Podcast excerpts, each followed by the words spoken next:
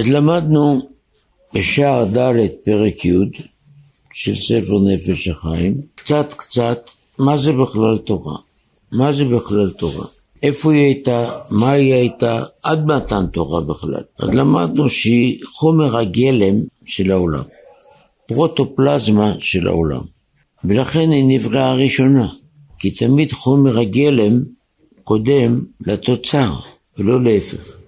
כשרוצים לייצר משהו, חייבים לדאוג לפני כן שכל חומרי הגלם יהיו במקום. זה היה בפרק י'. פרק י"א.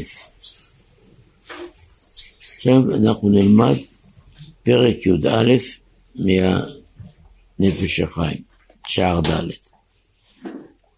ולזאת עיקר חיותם ואורם וקיומם של העולמות כולם, על נכון, ורק כשאנחנו עוסקים בה כראוי. כי קודש הבריחו ואורייתא וישראל כולה אחת. שכל אחד בישראל, שורש נשמתו העליונה, מדובק ונאחז באות אחת מהתורה, והיו לאחדים ממש. עכשיו, עלינו להבין מה זה כל העיסוק של התורה. כי בניגוד לכל הלימודים של העולם, הבן אדם לומד כדי לדעת משהו, ואם הוא יודע, הוא לא חוזר ולומד את זה שוב. אין שום עניין ללמוד חומר שאתה כבר יודע.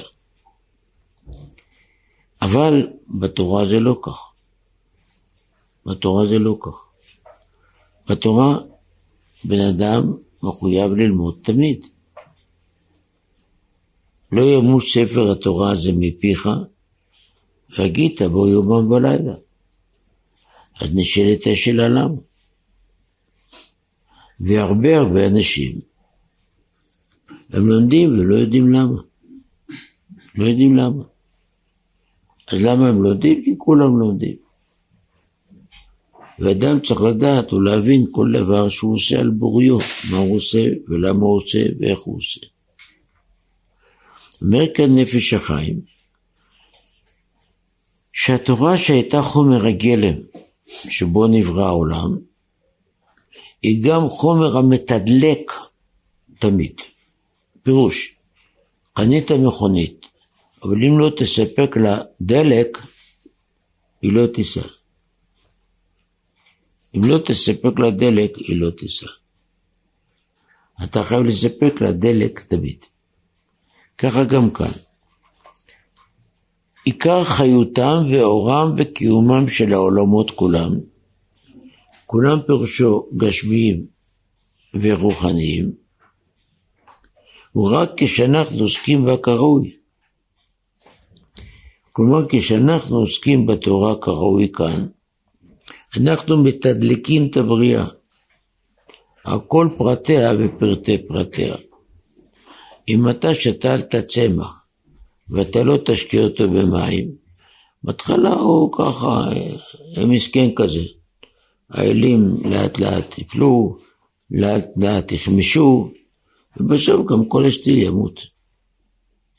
כי זה לא מספיק שאתה שתלת אותו, אתה צריך לתדלק אותו, תספק לו מים, השתיל. במים הוא לא חי. אז ככה גם התורה. הלימוד של התורה שלנו, כל אות ואות שאדם אומר בתורה, כל מילה ומילה, היא חיותם ואורם בקיומם של העולמות. עכשיו באמת איך זה?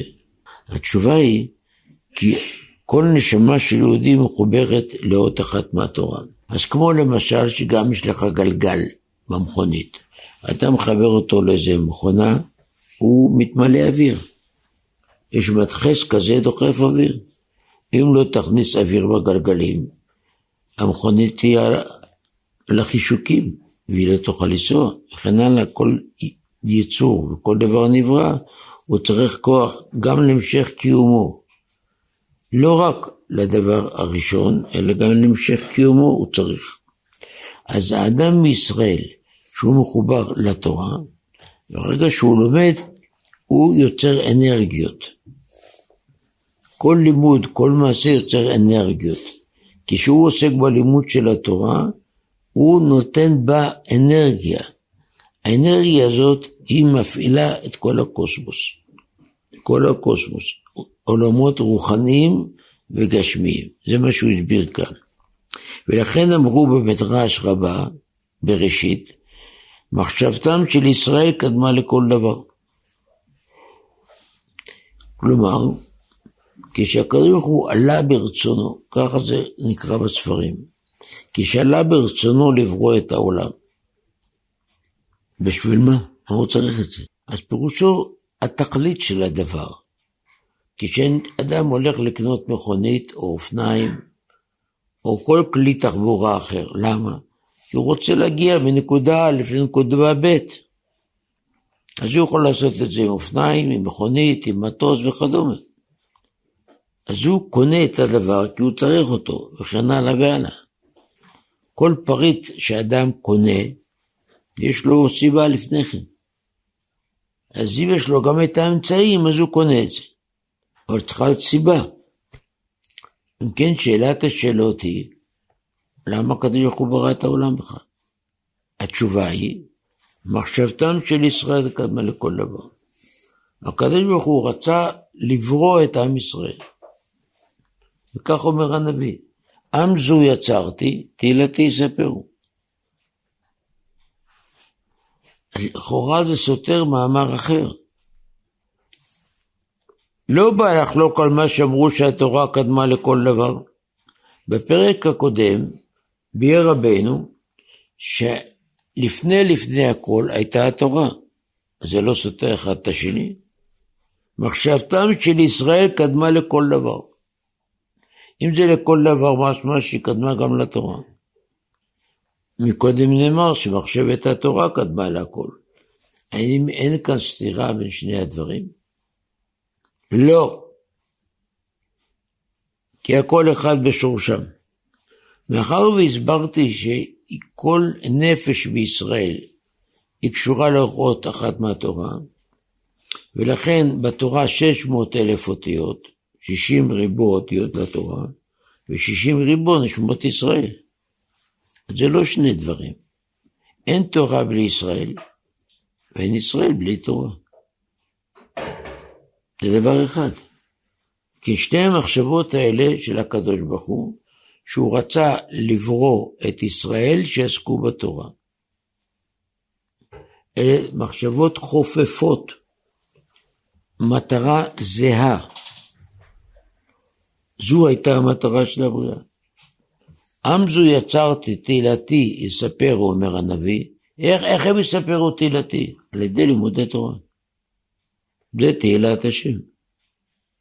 הלימוד של התורה הקדושה היא תהילת השם.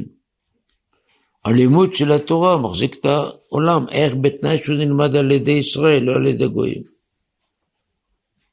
נמצא שלא שתי מחשבות סותרות, מסביר כאן רבנו, אלא אחת שהיא שתיים. וזה שכתוב מחשבתם של ישראל, וכמו שאמרו ישראל עלו במחשבה, רוצה לומר ראשית המחשבה, סוד הרעותה עילה, כמו שכתוב בזוהר, פרשת וירא, דף קי"ח עמוד שני, כי ישראל עלה ברצון הקדוש ברוך הוא עד שלא נברא העולם. והרעותה היא ראשית הכל אלוקות גמור כביכול מעולמות אינסוף. אמר רבי שמעון, הרימות, ישרי רצון העליון וכל אלו האורות מסוד המחשבה העליונה ותחתונה, כולם נקראים אינסוף. כלומר המונח הזה, מחשבה של הקדוש ברוך הוא, זה מונח, המונח, דבר מאוד מאוד גבוה, מאוד מאוד סתום, זה כולו רוחניות. כולו רחמנות. לכן זה מחשבה. כי אין אצל הקדוש ברוך הוא, נקרא הוא וברכתו ורצונו זה אחד.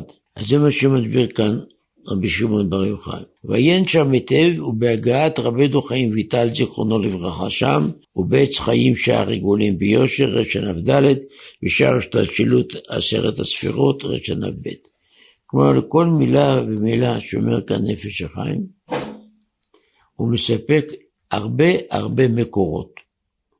זה לא הגות שלו, מחשבות שלו, פלפולים שלו, של רבי רנו חיים מוולוז'ין, אלא כל משפט וכל פרינציפ שהוא אומר, הוא מעגן אותו בהר היטב בכל המקורות של התורה.